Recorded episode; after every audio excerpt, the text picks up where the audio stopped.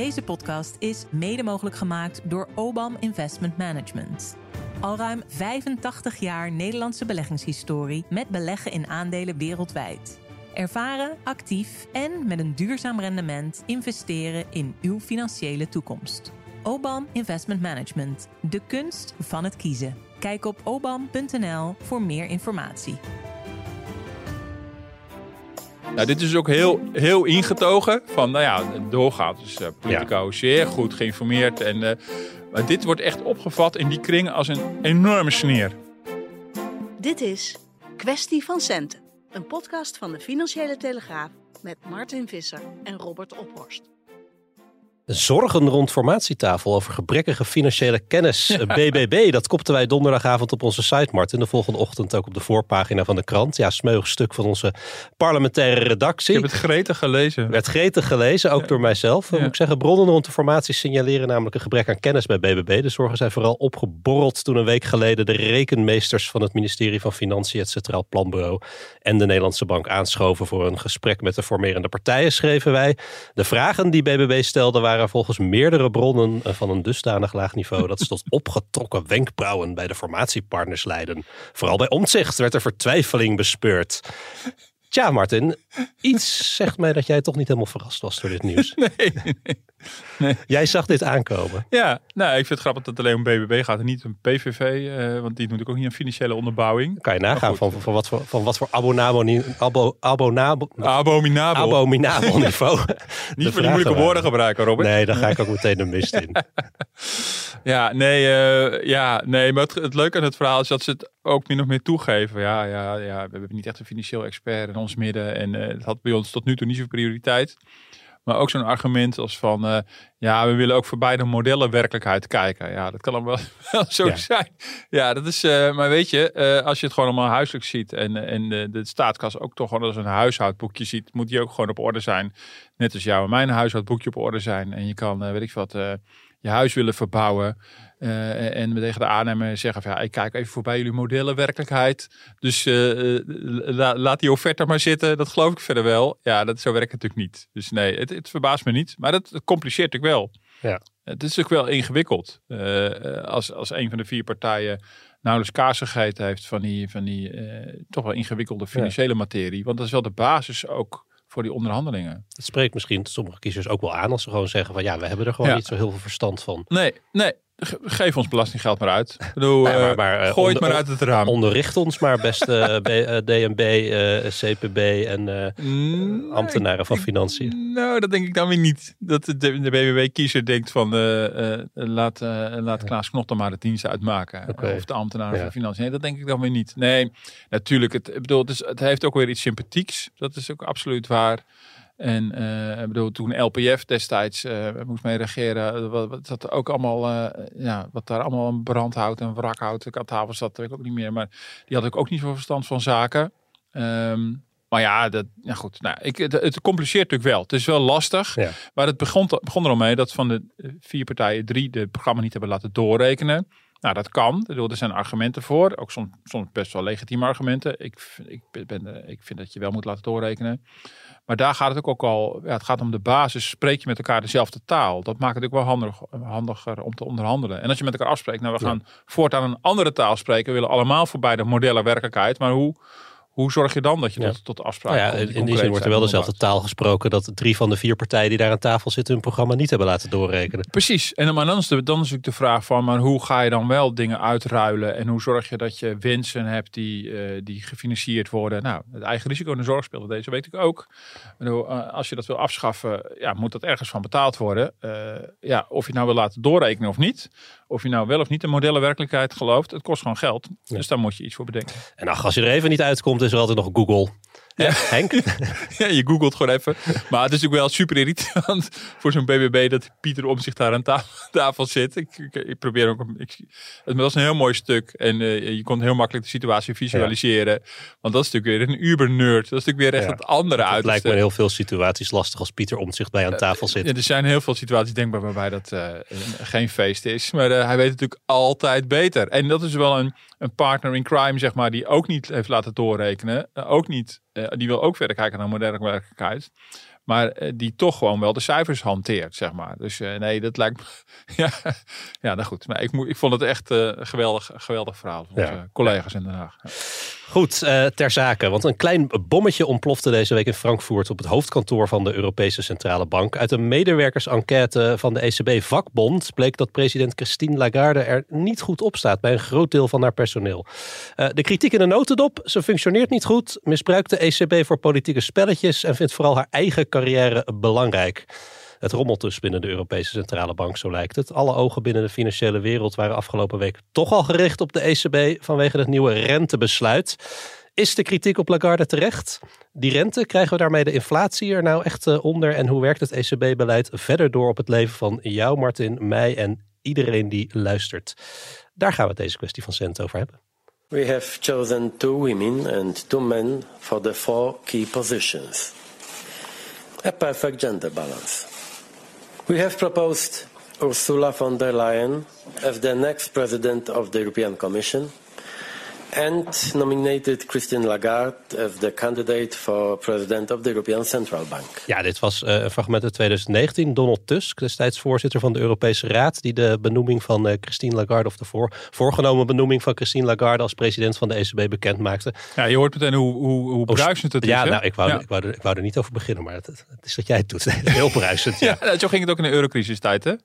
Met Jean-Claude Juncker. Die oh dan, oh, ja. Uh, ja, ik, ik breek hem meteen weer in, maar ik, moet, ik krijg er echt weer een nachtmerries van. Dan heb je een hele nacht dat je te wachten. Ja, jij was destijds correspondent in Brussel. Ja, zit je de hele nacht te wachten op echt een belangrijke eurotop. En dan staat Griekenland op omvallen. En dan echt midden in de nacht komt een persconferentie van Juncker in dat geval. Ook op zo'n toon. Je denkt, eh, echt? Ik bedoel, serieus? En hier is dan, dit, ik weet niet hoe laat dit was. Dit is nou 2019. Hier was na heel veel gedoe een enorme deal gesloten over vier cruciale posities eh, in Europa. En dat wordt, wordt dan zo gebracht. Ja, het is echt ongelooflijk. Ja, het vergt heel, veel wat van, heel wat van je concentratievermogen als journalist in Brussel. Ja, maar gaat het dan achter de schermen met, eh, met hetzelfde gebrek aan emoties? Nou, dat denk ik niet. Nee, nee, nee, nee, nee. nee. Er zijn in de loop van de jaren natuurlijk voldoende verhalen uit. Dan zet, dan zet, over, dan zet Tusk zijn baritonstem op. Zeker. Nou ja, of, of Tusk dan meteen degene was die uh, meteen helemaal emotioneel was, weet ik niet. Van, van Jonker is natuurlijk wel, er zijn natuurlijk wel verhalen uitgelekt. Dus, uh, uh, Misschien soms ook met het tijdstip te maken. Ja, dus over de schnaps en zo. En, en nou goed, wat ik, ik refereer ook aan de tijd dat Berlusconi er nog zat. Ja. En, nee, dat ging er soms heftig aan toe. Dat waren wel characters. Ja, maar die voorzitters zijn vaak hele Misschien is het ook wel goed hè, als voorzitter. We hebben Herman van Rompuy gehad, voorzitter van de Europese Raad. Uh, Juncker was natuurlijk dan uh, de voorzitter van de Eurogroep. Dus, zijn enige uitspatting was dat hij af en toe een haiku schreef. Ja, precies ja. en uh, Barroso was voorzitter van de Europese Commissie. Met je in die tijd was het. En ja, het is heel gebruikelijk dat hij dat heel monotoon super saai brengen en geen enkele ophef. En nee, dat is misschien ook om de financiële markten niet al te veel uh, op een grondvest te doen schudden. Ik weet het niet of dat het is. Het is ook heel institutioneel. En dat is heel raar, want dit is de uitkomst van een, van een, van een belangrijke ja. touwtrek, uh, politiek touwtrekken. En het wordt heel, maar goed, dit is, uh, we, dwalen te veel af. Maar uh, dit was een moment dus dat zo'n grote deal bekend werd gemaakt. En dus ook Christine Lagarde ja. in die grote pot zat. Uh, en daaruit kwam als nieuwe president van de Centrale Bank. voordat we dieper duiken in die ophef van deze week rond Lagarde. En voordat we het ook gaan hebben over de ECB-strijd tegen de prijsstijgingen. En of die strijd nou een beetje succesvol is. misschien goed om even een kleine ECB voor dummies te doen. En ik reken ja. mezelf ook tot die dummies. Want de Europese Centrale Bank, wat, wat is dat nou precies en wat doen ze daar in Frankfurt de hele dag, behalve enquêtes invullen van de vakbond? Ja, dus uh, er werken ongeveer 3.500 mensen bij die uh, centrale bank. En die ECB is natuurlijk opgericht bij de, bij de, bij de totstandkoming van de euro. Wim Duisenberg, de Nederlandse... De, de Nederland, Nederlandse centrale bankier, inmiddels overleden al een tijdje, was de eerste president van de Europese Centrale Bank. Daarna kwamen Jean-Claude Trichet, Mario Draghi en nu dus Christine Lagarde. Dus het is een, uh, ja, de, zo heel lang bestaat de ECB dus uh, nog niet. En um, ja, de ECB is gaan doen wat de Nederlandse bank en de Bundesbank en alle andere nationale centrale banken tot dan toe deden. Namelijk het monetaire beleid uh, voeren. Met als één groot doel, ehm, een heilig doel, en dat is zorgen voor prijsstabiliteit. Oftewel, de inflatie moet niet te hoog zijn, maar ook niet te laag. Dat is eigenlijk het allerbelangrijkste wat ze doen. Um, en daarvoor kunnen ze de rente inzetten. Ja. Dat is uh, een, een, een belangrijk, uh, belangrijk onderdeel. En in eurocrisistijd, waar ik net aan even refereerde, hebben ze ook allerlei andere dingen uitgeprobeerd, zoals de geldpers aan te zetten, zoals dat mensen populair noemen. Ehm, maar ze zijn vooral bezig om te zorgen voor prijsstabiliteit en het bewaken van de stabiliteit van de euro. Als en dat doen ze dan met de rente. Maar wat is de rente? Nou, de rente, zij, zij stellen een aantal rentetarieven. En dat zijn uh, de, de tarieven waar jij en ik niet rechtstreeks mee te maken hebben, alleen maar indirect. Uh, maar dat zijn de tarieven waartegen een bank tijdelijk geld kan lenen van de, van de ECB. Dus een tarief waarbij uh, dat, ze, dat ze krijgen van de ECB als ze tijdelijk geld daar stallen. En op die manier bepalen zij als het ware de prijs van het geld, om het heel simpel te zeggen. En dat gaat dus via de banken. Um, dus als de rente heel laag is, is geld heel goedkoop. En als de rente heel hoog is, is geld heel duur. Ja. Nou, um, dat is natuurlijk vergelijkbaar met onze eigen hypotheekrente. En die hangt er natuurlijk ook wel, uh, wel, wel mee samen. Maar dat gaat, gaat allemaal om, om de korte rente. Van als je één nacht geld bij de ECB stalt als bank, omdat je gewoon geld over hebt, dan krijg je daar een kleine vergoeding voor. De depositorente.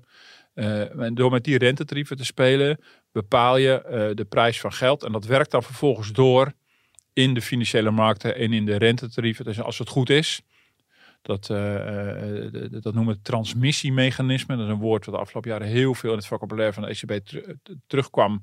Lukt het om via dat rentetarief dat we aan de banken doorberekenen ook invloed te hebben op de rentetarieven in de markt? Nou, mhm. Soms lukt dat wel en soms lukt dat wat minder. Maar de bedoeling is dat die dat die rentes worden doorgegeven aan de echte economie door het bankenveld. Zelf ook krediet verschaffen aan ondernemers bijvoorbeeld, of een hypotheek uh, verstrekken, of aan spaarders uh, rente te betalen. En op die manier werkt het door in de, in de, in de echte economie. Maar het begint dus met die officiële tarieven in het verkeer tussen de centrale bank en de commerciële banken. At the ECB, we have many surveys. Those surveys are, are, responded to at a rate of about 60%, north of 60%. To that question, are you happy to work at the ECB? The overwhelming majority, namely 80%, say, yes, I'm happy to work at the ECB. That's my response to your question. Those are the surveys that I'm particularly attentive to and keen to constantly improve. Thank you. Ja, dit was een persconferentie van afgelopen donderdag, waar ja. uh, Christine Lagarde ook werd geconfronteerd met de kritiek waar we het nu over gaan hebben. Ja, als iemand een antwoord afsluit met thank you, dan weet je wel meestal dat het uh, een beetje geprikkeld, uh, Zeker, een beetje ja. geprikkeld is. Ja. Um, de reputatie van de ECB staat op het spel. Ja, die noodkreet kreet klonk dan afgelopen week onder een deel van het personeel in Frankfurt. Het was de uitkomst van een interne enquête van de ECB-vakbond, waar een nieuwsmedium Politico de hand op wist te leggen en als eerste over publiceerde. Uh, directeur Christine Lagarde staat er niet best op bij meerderheid van de ruim duizend deelnemers aan dat medewerkersonderzoek. Ja, je zei het net ook al, maar ter verduidelijking bij de ECB werken iets van een kleine 4000 uh, FTE of 3500. Dus ja. lang niet iedereen deed mee, maar toch 50,6% van de respondenten betitelde het functioneren van Lagarde als gebrekkig tot zeer gebrekkig. Ze misbruikt de ECB te veel als een politiek instrument, zo luidt de kritiek. Ze is te veel bezig met haar eigen positie en een meerderheid betwijfelt of Lagarde's aanpak van de inflatie wel werkt. Ja. Martin, jij bent ook chef. Zou je onverstoorbaar doorwerken als je zo'n enquête-uitslag op je bureau uh, had gekregen? Tuurlijk. Ja, tuurlijk. ja, zo ja, die, die, had, ik, die had ik niet, ja, niet aanzien komen. Nou, kijk, mijn afdeling zijn dat soort enquêtes natuurlijk verboden. Dat begrijp ja. je wel. Maar bij de ECB zijn er een hele hoop enquêtes, hoorden we elkaar er net ja, uitleggen. precies. Nee, maar nee, dat is natuurlijk, dat is natuurlijk vervelend. Als je natuurlijk achterkomt dat er, dat er geen draagvlak is voor jouw beleid of uh, hoe jouw personeel tegen jou aankijkt, dat is natuurlijk heel vervelend. Um, uh, en het zat natuurlijk in dat er in die persconferentie naar gevraagd werd. Maar, het is ook wel weer typerend. Misschien is het ook wel leuk om, om, om een beetje aan duiding te doen van hoe dat dan werkt. Nou, dit klonk ook al niet heel erg super uh, bevlogen. Hè? Bedoel, uh, en dit is al, alweer een stuk beter dan dat we eerst Tusk hoorden. Maar zo'n persconferentie van de ECB moet je ook voorstellen, zeer technisch. Het is de manier waarop de, de, de, de Lagarde echt rechtstreeks communiceert met de financiële markten. Wat op zich ook wel apart is, want die rentes gaan ons ook aan. Ik ja, zei al, hypotheek en sparen bijvoorbeeld. Zo'n perskost één keer in de zes weken. Dan, ja, dan één keer in de zes weken komt er een rentebesluit. En in dit geval was ook verwacht, de rente zal wel gelijk blijven. Die blijft 4%. Dat was ook de verwachting. En dan wordt er vooral gekeken naar, maar wat gaat zij zeggen over wat de komende maanden gaat gebeuren. En dat is voor financiële markten bijvoorbeeld van belang. Want de rente is ook bepalend... Uh, uh, uh, voor, voor allerlei beleggers. Omdat het zet, natuurlijk ook, uh, bepaalt ook, ook de, de, de, de, de rendementen. En het is, de rentetarieven zijn van belang voor obligaties en daarmee voor, voor aandelen. Nou goed, alle beleggers letten daar heel erg op. En dan worden de woorden heel erg precies gewogen. En wat er in de zaal zit, aan mensen zijn ook financieel journalisten die vooral heel veel met techniek bezig zijn. Dus dit was ook pas vraag 6 of 7, geloof ik, van Reuters in dit geval, dat inging op die kritiek. De eerste paar vragen waren allemaal weer van een hoog technisch niveau en er komen hele technische antwoorden op. Um, je moet goed ingevoerd zijn om het allemaal precies uh, te begrijpen. Uh, maar ze wisten natuurlijk dat dit ging komen. En ze had natuurlijk een antwoord al klaar. En de ECB had al gereageerd begin van de week. Ja, dat is een slecht onderzoek van de vakbond. En wij doen zelf ook onderzoek. En dat blijkt uit het. We hebben een beetje het antwoord verkort van Lagarde, want het was wat uitgebreider. Ze had het helemaal ingestudeerd. Van het eigen onderzoek blijkt dat ja. Uh, 80%, 90% uh, ja, wij, hartstikke tevreden Wij van het Noord-Koreaanse wc-eend kunnen melden dat uit ons eigen onderzoek iets heel anders blijkt. Ja, ja. het is een beetje Erdogan, uh, Poetin-achtig. En, uh, dus dat is natuurlijk niet zo sterk. Dat is helemaal niet zo sterk. En er zat ook, en dit is al heel geprikkeld. Dat, dat hoor, je, hoor je goed. Wat, veel scherper dan dit wordt het misschien ook niet. Misschien nog heel kort, aardig om te, te, te, te, laten horen. Op een gegeven moment iets verderop stelt iemand van Politico de vraag, een vraag. Um, ook over deze enquête, maar ook over iets technisch. En dan kan ze het niet laten om nog iets te zeggen over Politico. So, uh, maybe you have better information. Politico is usually very, very insightful uh, in, uh, in all sorts of things.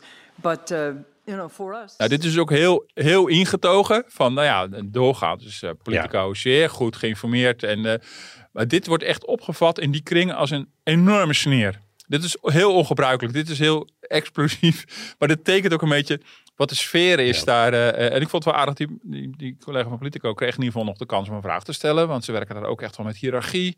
Uh, de grote sites en de grote financiële uh, sites en, en newswires, die krijgen als eerste de vragen. Um, ja, ik, kijk, in, in politieke verhoudingen, stel dat in, dit in een weet ik wat, een, een, een, een partijleider of zo uh, is in het nieuws doordat blijkt dat de achterban of de, de, de leden zo'n soort rapport schrijven geven. Nou, dan weet je, als er een persconferentie komt, dan gaat iedereen er bovenop. Maar hier zie je dat het ook alweer in heel die financiële nerdy wereld ook maar een hele kleine rol speelt in zo'n persconferentie. Het is ook echt wel een apart wereldje op zich. Dat, Ik zat gisteren weer te luisteren en ik het toch heel apart. De eerste vraag die je zou stellen is van, mevrouw Lagarde, uw eigen personeel valt u af vraag 7 of zo. Nou, opvallend. Ja. Wat is het voor vrouw, die Christine Lagarde? Um, nou, in hetzelfde politicus-stuk werd ze wel een beetje de financiële rockstar genoemd. Ik vond het wel, uh, wel grappig. Het is natuurlijk een flamboyante verschijning ook. Um, uh, uh, ze is echt een politica. Um, Française, minister van Financiën geweest onder andere. De baas van het IMF. Wel in de loop van de jaren ook wel eens verwikkeld geweest, soms in schandalen, maar dat allemaal daar weer uitge, uitge, uitgerold. En um, uh, ja, volgens mij uh, als minister van Financiën, in ieder geval in Europa, van hoog aanzien. Ik heb daar dan, haar dan ook wel meegemaakt in die rol en als, als IMF-baas ook in de eurocrisis. Um, daar kon je niet per se op de trappen dat ze nou echt een hele Franse agenda zat uit te voeren, altijd per se. Eerlijk gezegd, als, als ECB-president zie ik dat ook niet zo. Um, want dat is natuurlijk altijd een beetje de verdenking. Dat was wel, wel eens anders bij Frans, inderdaad. Precies. En bij voorganger Mario Draghi uh, speelde dat natuurlijk veel meer een rol in mijn optiek. Uh, die was een Italiaan en ja, die heeft daar de geldpers uh, aangezet en niet zo'n beetje ook. En daar heeft de, de Italiaanse overheid enorm van kunnen profiteren omdat de rente extreem omlaag ging en staatsschuld uh, financieren heel goedkoop werd. Er werden ook natuurlijk heel veel staatsschulden opgekocht, ook Italiaanse staatsschulden.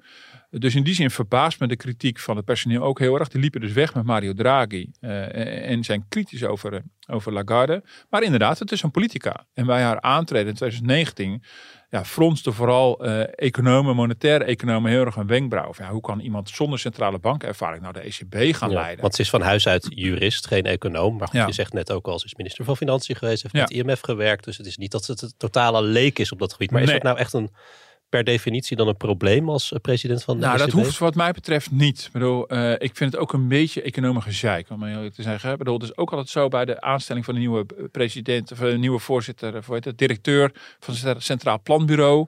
Ja, uh, nou ja, als in het geval uh, Pieter Hazekamp zit daar, voormalig topambtenaar van Financiën. En daarvoor zit Laura van Geest, ook een ambtenaar van Financiën. Nou, daar kan je van alles om wat van vinden, maar er zijn het altijd weer dezelfde economen die gaan zitten zeuren. Nou, dat zijn natuurlijk de economen die ook een sollicitatiebrief hebben gestuurd. Kom op. Maar het is ook wel, het is wel opvallend. En het is ook wel een, in het afgelopen paar jaar dat ze er zit ook wel eens misgegaan. Met name de communicatie van centrale bankpresidenten komt heel erg nauw. Omdat je rechtstreeks praat met de financiële markten, hoef je maar een woordje verkeerd te zeggen of koersen vliegen omhoog of omlaag. En dat is haar ook wel eens overkomen. Um, en heeft ze iets gezegd en verwarring gezaaid over het al dan niet stoppen van het grote opkoopprogramma. Uh, waarbij ze al die, uh, die, die, staatsobligaties op te kopen. Daar was op een gegeven moment verwarring over.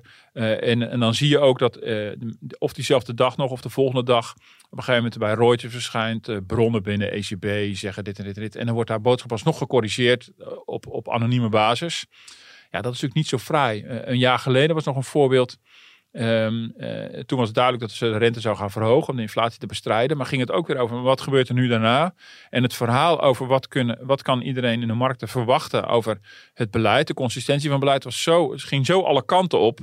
Dat, ja, dat, dat, ik belde toen ook een paar uh, analisten die ook zoiets hadden. Wat, wat dit, ik sprak Bert Colijn toen van, van ING. En die zei van, herken je dat als je heel druk de hele dag bent en allemaal vergaderingen en je vergeet gewoon te lunchen. Je begint in de middag begint, begint te ratelen en te ratelen en te ratelen. Gewoon van de honger en van het niet geluncht hebben. Dan ben je niet meer gefocust. Nou, het leek wel van Lagarde de lunch was vergeten. Ja, dat was ook wel een beetje pijnlijke sneer. En nou, dat, dat zal ze zich verder van aangetrokken hebben. Maar het is dus wel, dat typeert dat, dat die wereld vindt het belang, belangrijk. Dat het heel consistent is, heel strak en heel duidelijk. Want zo kijken die analisten ook wordt er in het perscommuniqué van deze, deze keer een komma verplaatst ten opzichte van zes weken geleden. En als dat zo is, wat betekent dat dan? Uh, nou, en daar is wel eens. De, kijk, als politicus heb je wat manoeuvreerruimte, maar zij moet heel strak zijn. Mhm. Dus, maar, goed, ja, is, dat is, echt iets anders dan, dan zeggen van nou. Dat is het meer dan de helft van de medewerkers zegt dat ze gewoon het belabberd doet. Dat, dat zie ik eigenlijk niet zo. Nee, maar het is ook lastig, want ze hebben dus elke zes weken zo'n rentebesluit. Ja. Als, als ze niet steeds zes weken, of als, als ze elke zes weken vooruit zou kunnen kijken, precies zou kunnen voorspellen wat er gebeurt, ja, dan kunnen ze gewoon één keer per jaar zo'n persconferentie doen. Nee, maar waar het, waar het om gaat, en, uh, is dat je, um, dat je um, natuurlijk niet zegt van wat de rente over zes weken zal zijn. Nou, soms kan dat ook wel. Maar dat je wel duidelijk maakt waar precies naar gekeken gaat worden. Welke richting het opgaat en wat de factoren zijn die bepalend zijn voor je volgende rentebesluit. Um, uh, zodat je heel voorspelbaar. Die voorspelbaarheid is heel belangrijk. Want je zet anders echt miljarden in beweging. Zo niet tientallen miljarden. Dat is ook, dat is ook bij, de, bij de Federal Reserve al misgegaan in, in, het verleden. Een bankpresident die uh, ook te vroeg ging zeggen dat ze weer gingen stoppen met het stimuleren van de economie. Uh, ja, dat, dat, viel ook helemaal verkeerd. Dus succesingen kunnen wel gebeuren en repareer dat. Nou, dat is allemaal niet zo heel erg fraai. Maar hier gaat het uiteindelijk om de vraag van... Uh, uh, Mario Draghi zat met de eurocrisis. Ehm, werd heel erg geroemd om zijn whatever it takes. Zo'n befaamde uitspraak die op een gegeven moment midden in die crisis zei van... Ja, de ECB zal alles doen in, in, in haar macht om, om de euro overeind te houden. Nou, daar wordt hij om geroemd. Nou, zo'n moment heeft Lagarde eigenlijk niet gehad. Maar haar probleem is natuurlijk de inflatie geweest. En er is denk ik terecht de kritiek dat de ECB te laat heeft gereageerd op de inflatie. Dus dat kun je allemaal zeggen. Maar om nou te zeggen dat Lagarde het zoveel slechter doet dan Mario mhm. Draghi, dat zie ik eigenlijk helemaal niet. En de vraag is ook, eh, ten koste van wat heeft Draghi die euro gered? Ik bedoel, vorig jaar sprak jij nog met oud-minister Hans Hogevorst. En die zei, als Nederland nu voor de keuze stond om in de euro te stappen, zouden we dat nooit doen. Met zoveel schulden, we zouden gek zijn.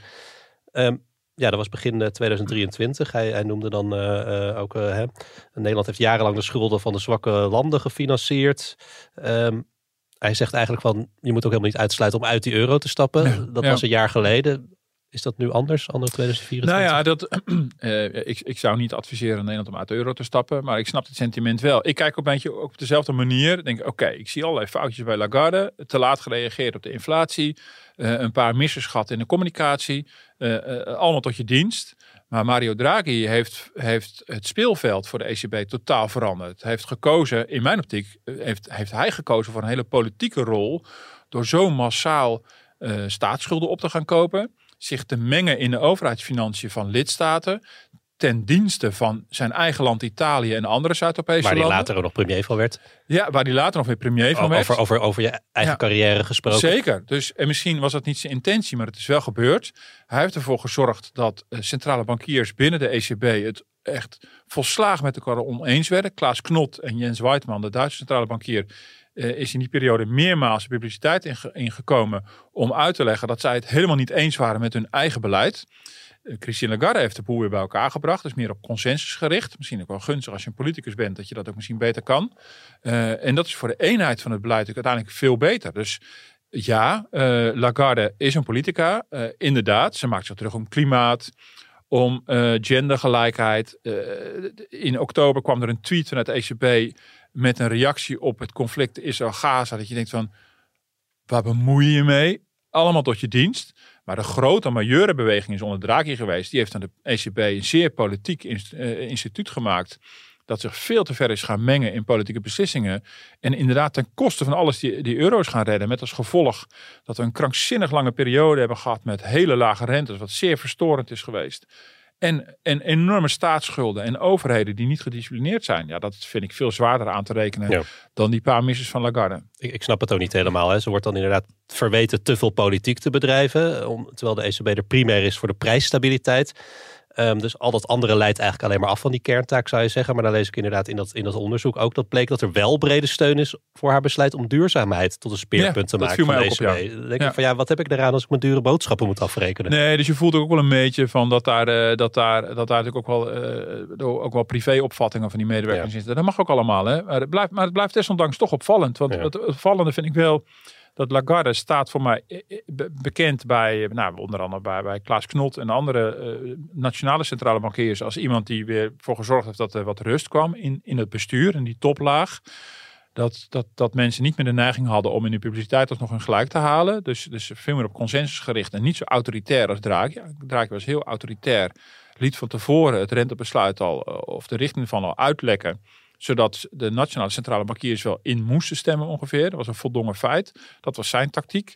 Maar het personeel ervaart Lagarde dus blijkbaar als, als uh, uh, autoritair en, en directief. En vertrouwen het niet dat zij, of zij echt al de ECB-zaak dient. Of dit ziet als een carrière stap. Het is ook een beetje Draghi zat er vier jaar geleden. Zij zit nu op de helft van haar achtjarige termijn. Maar er staan wel meer dingen in dat onderzoek. Er gaat bijvoorbeeld over diversiteitsbeleid. Ja. Daarop scoorde Draghi dan veel beter. Maar dan is er intern onder Lagarde veel verdeeldheid over. Maar zo gek is dat natuurlijk ook niet. Want in vergelijking met vier jaar geleden is diversiteit een veel heter maatschappelijk hangijzer. Ook binnen bedrijven. Nou, je kunt er van alles van vinden. Maar ik geloof er niks van dat uh, aan de diversiteit precies dezelfde waarde wordt toegekend als vier jaar geleden. Dus dat er dan in dit geval onder ECB personeel meer verdeeldheid is over dat polariserende thema. Ja, dat is ook niet zo heel En ik kan het ook niet helemaal plaatsen. Ja, goed, ja, weet je, ik werk daar niet. Ik zit daar niet iedere dag binnen, helemaal niet. Uh, maar uh, om te beginnen is er nu een vrouw aan de top van de ECB. En dat was een primeur.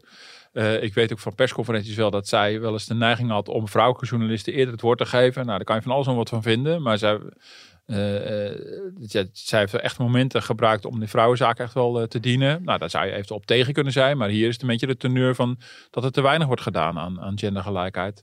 Maar goed, ik, dus in die zin zie je ook wel, het is wel interessant. Uh, het is interessant hoe de financiële pers daarmee mee, mee, mee omgaat. Ja. Uh, het is op zichzelf wel ondermijnend voor haar positie natuurlijk als dit naar buiten treedt. Maar het tegelijkertijd is het ook wel intern gedoe. En ik zag eerder bij een collega van het FD, die suggereerde van nou, misschien dat lopende CAO-conflict hier een beetje een rol in spelen. ECB-personeel wordt uh, um, meer dan goed betaald. En dan druk ik me voorzichtig uit. Maar het kan altijd nog beter, ja, denk ik. En er is een, een de inflatiecorrectie is niet helemaal, uh, of althans is wat onvrede over. Ja, precies. Dus er is een soort particulier belang bij het bestrijden van inflatie. En, uh, dus dat vind ik wel interessant. Maar het, is natuurlijk, ja, het ondermijnt natuurlijk wel. Dus het is natuurlijk niet goed. En ze heeft nog een aantal jaar uh, te gaan. Dus 2019 begonnen. Ze zit daar voor acht jaar. Ze moet nog een tijdje. Ehm, maar we zullen zien. Ja, als zij echt van die enorme politieke ambities heeft, dan, dan, dan zou ze voortijdig moeten stoppen, zou je denken. Want op een gegeven moment dan, bedoel, als ze nog een keer een nieuwe politieke baan wil, weet niet meer wanneer ze dat dan uh, nog wil. Nou goed, Mario Draghi was ook hoogbejaard toen hij uh, premier werd. Dus het kan allemaal. Ja, maar dat is Italië. Dus dan ligt het allemaal anders. Ja, um, even voordat we het gaan hebben over die strijd tegen de inflatie en wat wij daar uh, zelf nou van merken. Nog één dingetje. Jij volgt die persconferenties tegenwoordig op, op afstand. Of misschien ja. altijd wel op afstand. Ik heb gisteren wel echt even gekeken. ja, dan zit je hier met koptelefoon op achter je laptop. Maar als je nou wel in die zaal had gezeten, wat had jij haar dan willen vragen? Ja, ik, ja, ik had toch meteen willen, willen vragen naar die, hoe, hoe, dat, ja, gewoon hoe dat kan. Hoe, is, hoe is het mogelijk dat, dat personeel zo vernietigend oordeel. En vooral, wat gaat ze eraan doen? Dat is eigenlijk was dat de belangrijkste vraag. Die vraag is ook wel gesteld hoor. Wat gaat ze eraan doen? Ik bedoel, dit is een, dit is een onderzoek. En dan kan je van alles en wat zeggen. Wij doen beter onderzoek. of, wat, wat gaat ze eraan doen? Ja, daar gaf ze dus geen antwoord op. Want ze kwam dus in, in haar reactie op van ja, wij doen zelf onderzoek. Je hoort het in het, in het eerste fragment van uh, uh, ja, zoveel procent uh, is blij om hier te werken. Maar daar ging het natuurlijk niet om. Het ging om, om haar. En in een, ja. in een laat, in reactie ja, maar dat is wel een verschil. Je kan als gewoon blij zijn om ergens te werken, maar dan nog een hekel hebben bij je baas. Precies, ja, uh, exact. En de zaak willen dienen bij de ECB en denken van nou, ik wil nog meer verdienen, maar eigenlijk stiekem verdien ik al hartstikke goed. Uh, dus uh, nee, maar dat is ook wat, wat, wat gaat het er aan doen? Bedoel, dit ondermijnt wel de geloofwaardigheid. Maar goed, weet je, in die persconferentie gaat het zo dat je mag blij zijn als je de kans krijgt een vraag te stellen. De meeste journalisten stellen meteen twee vragen, uh, omdat ze krijgen ook maar één keer een microfoon. Ze kunnen geen vervolgvragen stellen. Dus je weet gewoon, je kan nog een van een kul antwoord geven en dan kom je gewoon mee weg. Want het is ook niet zo dat we dat van elkaar overpakken. En die gehaaidheid die er in Den Haag bijvoorbeeld wel is, en terecht, die ontbreekt daar ten enenmale. Uh, niks ten nadele van die journalisten, nou een beetje. Bedoel, het zijn wel echt hele goede journalisten, omdat ze heel goed zijn ingevoerd. Maar het is een ander type journalistiek dan het meer. En dit zijn echt meer politieke kwesties, over intern politieke kwesties. Ja, en ik, ik heb de indruk dat, dat financiële journalisten dat maar matig interessant vinden. Vanaf juli 2022 is het hard gegaan met de rente. Destijds stond hij nog op uh, min 0,5 procent. Maar daarna volgde in de strijd tegen de Europese inflatie 10 renteverhogingen op rij. De Europese inflatie bedroeg op het hoogtepunt een gierende 10,6 procent op jaarbasis. Dus er moest ook wel iets gebeuren. Nou, sinds september vorig jaar bedraagt de rente 4 procent. Uh, de Europese inflatie zit inmiddels iets onder de 3 procent, als ik het wel heb. Ja. Hij moet naar 2 procent. Dat is, dat is een gezonde inflatie. Ja. Dus het gaat de goede kant op, toch Martin? Ja, wel met vertragingen. Het is, het is, het is laat op gang gekomen. De ECB kwam later in actie dan de Federal Reserve in Amerika. Um, uh, maar het lijkt de goede kant op te gaan. Maar er is wel, dat, dat bleek ook alweer, toch ook wel zorg dat de inflatie weer terugkeert. Uh, en nu is het natuurlijk het debat vooral in de financiële markten over uh, ja, wanneer gaat de rente weer verlaagd worden. Ja, maar ik... is dat dan niet een beetje prematuur? Ja, lijkt mij ook. Ik vind het heel wonderlijk hoe dat gaat. De, de, de renteverhogingen waren nog niet achter de rug. Of er werd al gespeculeerd weer op renteverlagingen. Uh, en nu zie je dat de, de financiële markten daar heel erg op gericht zijn. De, de markten houden uh, van lage rentes, dan is het geld lekker goedkoop. Dus uh, je moet ook zo zien van ja, de, de rente zet ook een beetje een soort norm voor de rendementen die je moet halen. Ja, bij een rente van nul. Ik bedoel, is, is elke investering rendabeler dan, dan, dan, dan, dan de prijs van geld, zeg maar. Um, dus, dus, dus financiële markten houden van die, van die lage rentes. Um, dus, en die, die houden vooral niet van die hele snelle sprongen die de afgelopen tijd zijn geweest. Maar goed, dat was natuurlijk onvermijdelijk. Maar het lijkt relatief goed te gaan. Maar ik vind de, de vooruitzichten zijn af en toe wel een beetje dubbelzinnig. Er zijn wel analisten die denken van nou de inflatie blijft voorlopig nog wel even wat hoger. Als je bijvoorbeeld 3% blijft hangen, inflatie, dan heeft hij nou ja, dat is in ieder geval geen 10 of 15 meer. Dus dat kunnen we wel leiden. Um, maar het streven van de ECB, of de echte doelstelling is, dat het 2% moet zijn. Nou, dan kan je zeggen, wat, dat is toch een beetje arbitrair. Ja, dat is ook een beetje arbitrair. Maar het is een beetje zoeken naar, uh, en dat is een beetje de gedachte, je wil voorkomen dat de prijzen echt gaan, uh, dat de prijzen echt dalen, deflatie. Dus ja, nu mogen ze een klein beetje omlaag als correctie op vorig jaar. Maar je wil niet dat ze structureel de prijzen dalen, want dat verstoort investeringsbeslissingen, aankoopbeslissingen. Als je weet alles morgen goedkoper is dan vandaag, dan wacht je met kopen. Um, dus is het idee, je moet op een veilige afstand van die nul zitten. Nou, dat is ooit gedefinieerd op twee.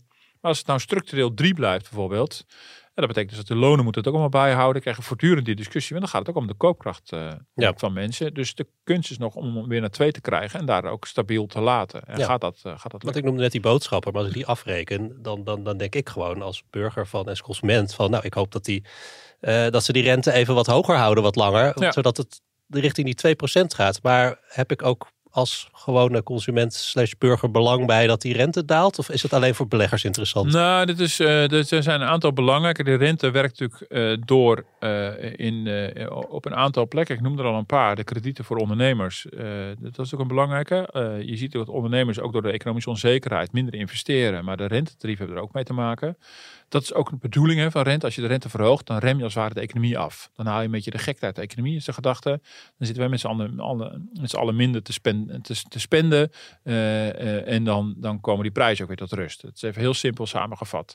Ehm, dus, dus dat afremmen van de economie is ook de bedoeling. Nou, dat doe je bijvoorbeeld ook doordat de hypotheekrentes zijn gestegen. de afgelopen weken zag je nog wel wat schommelingen en recent weer wat dalingen. Die daling lijkt tot stilstand gekomen. Maar de grote beweging is dat de hypotheekrente um, de, de, de, de rentebeweging van de ECB heeft gevolgd. Dus de hypotheekrente was van krankzinnig laag naar redelijk normaal, maar toch wel weer bijzonder de, de, de, vergeleken met, met de afgelopen jaren waarin de rente extreem laag was. Dus via de hypotheekrente merk je dat ook. Dat betekent dat de financiering van je huisstuk echt heel anders uitziet dan pakweg drie, vier jaar geleden.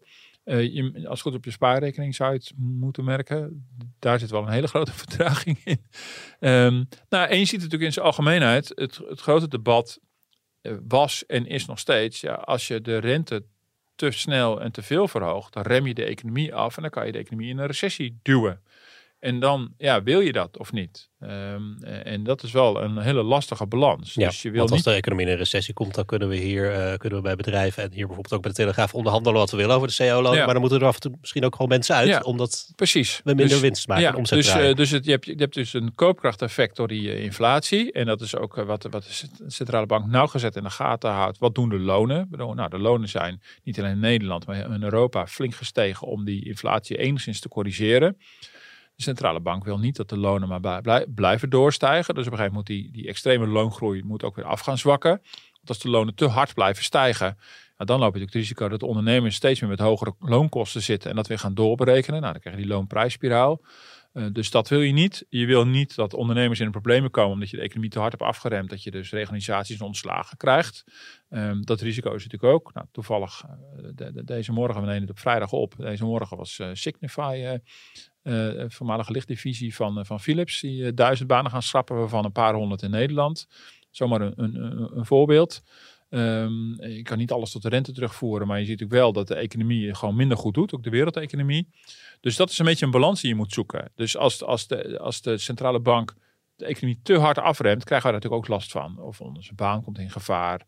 Uh, uh, Of we worden zelf misschien heel onzeker over de economische toekomst en gaan voorzichtig zijn met uitgeven. Dus in die zin is het een hele ingewikkelde balans. En is het ook wel uh, ja, een lastig vraagstuk waar de centrale bank mee heeft gezeten. Hoe ga je deze extreme inflatie weer in Maar als dat nou allemaal in Frankfurt uh, wordt bekokstoofd door de ECB, wat is dan nog de rol en de invloed van onze eigen Nederlandse bank? Ja, nou die is uh, in die zin beperkt dat de Nederlandse bank is gewoon een onderdeel van het stelsel van, van centrale banken van de eurozone. dus in die zin is het geïntegreerd. Een Nederlandse bank en via Klaas Knot nemen we deel aan de monetaire vergaderingen. Klaas Knot zit ook in het ECB-bestuur.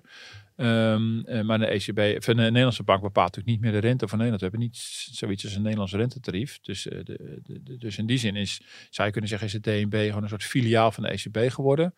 Uh, en daarnaast uh, spelen centrale banken natuurlijk ook een rol in het toezicht hè, op de financiële sector. De Nederlandse bank houdt toezicht op de Nederlandse banken, samen met de overige centrale banken. Want dat is ook inmiddels ook mm Europees georganiseerd.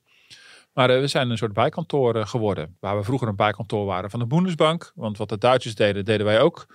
Uh, maar dat was een soort afspraak die we theoretisch elk moment konden opzeggen. Dat hadden we gewoon zelf bedacht.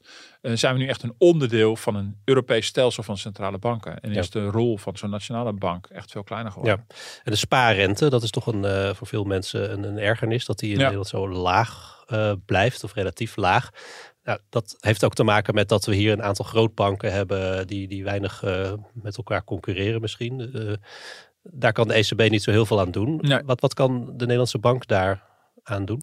Nou ja, de Nederlandse bank die, die, uh, probeert wel in, die houdt wel in de gaten hoe het gaat met die spaarrente. Heeft wel, uh, begrijp ik ook wel reguliere gesprekken met, uh, met banken erover. Ze zetten natuurlijk niet die spaarrente. Dat is echt een commerciële nee, dus, beslissing. Dus, dus, kunnen alleen, de knot kan ze alleen een beetje streng toespreken. Ja, nou ja, en dan de vraag is, mij valt op dat de Nederlandse bank in die discussie de afgelopen tijd heel vaak de, de kant van de banken heeft gekozen. Terwijl je ook uh, en bedrijfsmatig is dat begrijpelijk, want de, de, de, drie grote Nederlandse banken hebben ook niet zo'n stortvloed aan spaargeld nodig. Bedoel, dat is anders dan allerlei buitenlandse partijen die hier actief worden. Die hebben echt dat spaargeld nodig. Dus Nederlandse banken hebben in doorsnee meer dan voldoende spaargeld. Dus ja, als die de rente te veel zouden verhogen, dan krijgen ze alleen maar meer spaargeld. En uh, weten niet wat ze ermee moeten.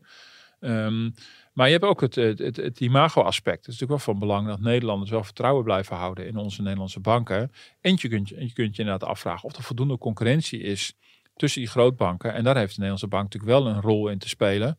En samen met, uh, met ACM, de autoriteit die gaat over, uh, over marktwerking. Want wat kunnen ze dat doen? Gewoon meer banken toelaten? Nou ja, dat, dat, je zou het, het begint natuurlijk mee. De ACM kijkt er natuurlijk ook wel naar om te onderzoeken van hoe komt het eigenlijk. Nederlanders, Nederlanders zijn erg honkvast. Die zijn geneigd om bij, uh, bij een van de drie grote banken te blijven zitten. Hebben niet snel zijn niet snel geneigd om uh, hun spaargeld te verplaatsen naar, naar andere buitenlandse banken. Al gebeurt dat al wel in toenemende mate. De Nederlandse bank is daar, zit daar ook heel dubbel in. Die is daar ook weer blij mee. Want het zorgt ook voor financiële stabiliteit. Dus die heeft eigenlijk belang bij dat, dat, dat iedereen redelijk honkvast is. Um, en dat is ook een beetje een, eigenlijk een dubbele rol. Want ze zouden ook moeten willen dat die imago van banken goed is. En dat er wel competitie is. Dat we gewoon als, als Nederlanders ook gewoon het beste product krijgen. Maar ik denk dat toch de ACM er vooral mee bezig is. Die moet onderzoeken, is die sprake op de een of andere manier van verstoring van de marktwerking. Dus niet per se of er nou illegale prijsafspraken worden gemaakt. Ja, als dat zou blijken, moet je natuurlijk sowieso ingrijpen. Maar het ligt vermoedelijk veel subtieler Um, dat op een manier de, de, de, marktmacht van die grote partijen zo groot is dat, dat nieuwe partijen nauwelijks kunnen of durven toetreden. Um, en eh, om, het, om het af te maken, daar zit wel ook voor de Nederlandse bank wel een risico in. Van wat nu als er plotseling echt een, een grote buitenlandse partij uh, uh, instapt.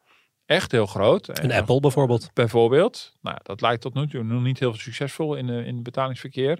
Maar goed, stel dat. Um, Waar, waar, waardoor mensen denken van ja, ik ben eigenlijk altijd heel honkvast. Maar dit vind ik een sympathieke, betrouwbare partij. Hier ga ik mijn geld naartoe sluizen. Ja, dat zou de Nederlandse bank niet moeten willen. Dus die zijn wel bezig om de banken ervan te, dringen. Weet wel, het risico ligt altijd op de loer. Dit kan gebeuren. Toen, toen um, um, Facebook met de Libra kwam, ik goed onthouden. Libra was zo'n munt, uh, die is voor mij ook redelijk mislukt. Uh, ja, waren centrale banken toch wel heel beducht. Ze zijn wel heel, dat zou dan echt een nieuwe munt zijn. Uh, dat willen ze al helemaal niet. Ze willen alles bij de euro houden. Maar het kan ook zijn dat een techbedrijf uh, ja, echt actief gaat worden op de, op de, op de spaarmarkt. Uh, waarvan in, in Amerika is er wel een beetje mee geëxperimenteerd, niet echt van de grond gekomen. Maar dat zijn ook wel bedreigingen die, dan, die dan. Maar ja, het, uiteindelijk begint het bij ons, bij onszelf. Hè? Bedoel, blijf je, ga je zitten klagen over je spaarrente, maar je laat wel je geld gewoon staan. Of stem je met je voeten, zoals het heet. Ja. En denk je van nou, ik ben gewoon hier weg.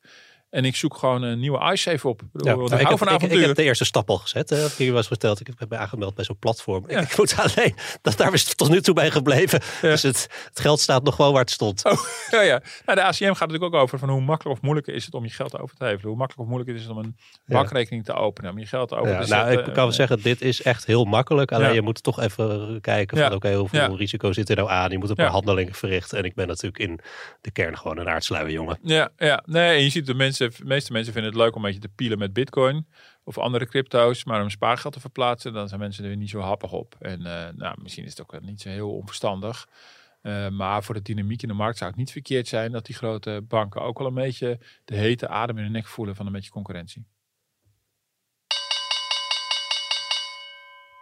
De bel van de rondvraag, de afsluitende rubriek. Ik had het een tijdje terug uh, dat ik was begonnen aan het boek over uh, ASML van een uh, oh ja. NRC-collega. Focus heet het. Maar ASML was deze week een paar keer in, nadrukkelijk in het nieuws. Of althans Zeker. Peter Wenning ook. Eerst als vicevoorzitter van het Groeifonds. Waarin hij een pleidooi deed voor, om te, vooral te blijven investeren in innovatie. Omdat er een wereldwijde innovatieoorlog woedt. En natuurlijk later deze week ehm, met, met ASML die ontzettend grote groeicijfers verwacht, verwacht te verdubbelen eigenlijk ja. binnen, binnen een paar jaar wil uitbreiden en daar ook mensen voor nodig heeft. Dus het was ook echt een pleidooi aan de, aan de, aan de politiek om uh, vooral die arbeidsmigratie uh, um, in stand te houden. Want anders zouden ze wel eens naar het buitenland kunnen gaan. Nou ja, in ieder geval, ik wist eigenlijk vrij weinig af van die chipindustrie. Dus dat boek is wel echt een aanrader hoor. Het wordt helder uitgelegd uh, hoe ASML gegroeid is, hoe ze zo groot ja. hebben kunnen worden. Er wordt ook wel helder uitgelegd hoe in de basis zo'n uh, machine werkt die chips maakt. Nou, ik snap het nog steeds niet helemaal, maar het, het is van een krankzinnige complexiteit ook. En dat is fascinerend.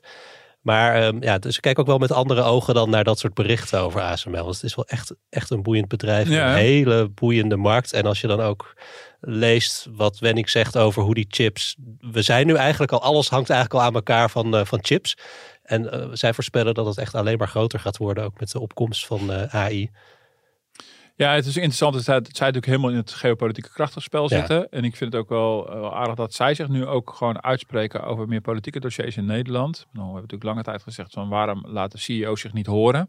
Nou goed, het is natuurlijk ook wel hun belang. Ik bedoel, je kan zeggen dat is een soort lobbyverhaal, maar het, het, is, het is goed dat ze zich laten horen, dat ze gewoon ook het podium kiezen en pakken. Ik had graag gezien dat ze dan ook in een talkshow gaan zitten om dat toe te lichten, maar uh, dat is erg geregisseerd. Helemaal zo bedacht van tevoren wie ze wel en wie ze niet uh, te woord willen staan. Maar ik denk dat het wel goed is dat CEO zich ook gewoon laat horen. En ik vermoed dat de meeste mensen een wat ander gevoel hebben bij uh, als de ASML-baas dat zegt dan wanneer de baas van Shell het zegt bijvoorbeeld.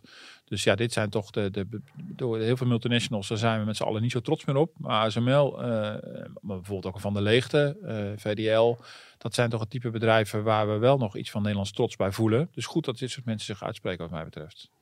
Heb jij nog wat leuks? Nee, ik heb de laatste. Uh, ik kan weer over mijn scholenbezoek beginnen, maar uh, dat is oneindig. dat zou de derde keer op reis zijn. Zou, ja, Ma maak hem maar vol, die het trip. Ja, ja, nou, dat, dat, ja, het, ja, nou, het, het zou kunnen. Nou, ik was met meters gisteravond. En uh, een Meters Lyceum zit voor mij ergens in de boven, bovenste ranking van uh, populaire scholen. Nou, op een open dag, open avond. Dat is dan niet een, uh, een, zwarte school ergens in Amsterdam, nee. Nieuw-West? Nee, het is een Montessori Lyceum. dat diversiteit hoog in het vaandel heeft staan, dus is het superwit. Ja, en, echt iets voor ECB-personeel. Ja, ja, zoiets. En uh, voor mij een prachtige school. Het was zo krankzinnig druk. Ik, bedoel, ik was uh, met mijn zoon en mijn vrouw. We werden alle drie heel, zag, heel zagrijnig. Het, het, praatje van de rector was ergens op de tweede verdieping in een, een van een klein zaaltje. Dus je moest in een enorme rij staan om daar eventueel naar binnen te kunnen. Nou, deuren dicht. Nee, zit vol. Ik vond het waardeloos georganiseerd. Maar het is een super populaire school. Uh, dus we moesten ons door ons eigen zagrijn heen ploegen. En uh, nou goed, die zal ook wel ergens in de top 12 uh, belanden. Uh, vanavond gaan we weer verder, zaterdag weer verder en dan zijn we ongeveer op de helft. Uh, Jeetje, het is wel echt een, een ja. bijna een dagtaak. Ja, zeker. Maar goed, het leuke was gisteren bij Metis in, in al mijn uh, zagrijn, nou natuurlijk alweer mee hoor, kreeg ik ineens te horen van een mede-ouder van hey, goede podcast heb jij. En ik hoorde al dat je school aan het bezoeken bent. Dus we worden gevolgd door mede-ouders die ook dezezelfde leidenstocht moeten, moeten ondergaan. Leuk, om, uh, om uh, scholen te bezoeken. Nee, maar ik zit een beetje te klagen. Maar uh, er zijn prachtige scholen en mijn zoon heeft er zin in. Moet alleen nog even top 12 maken. Dat is eigenlijk alles. Martin, dankjewel en ik zeg tot de volgende. Tot volgende week.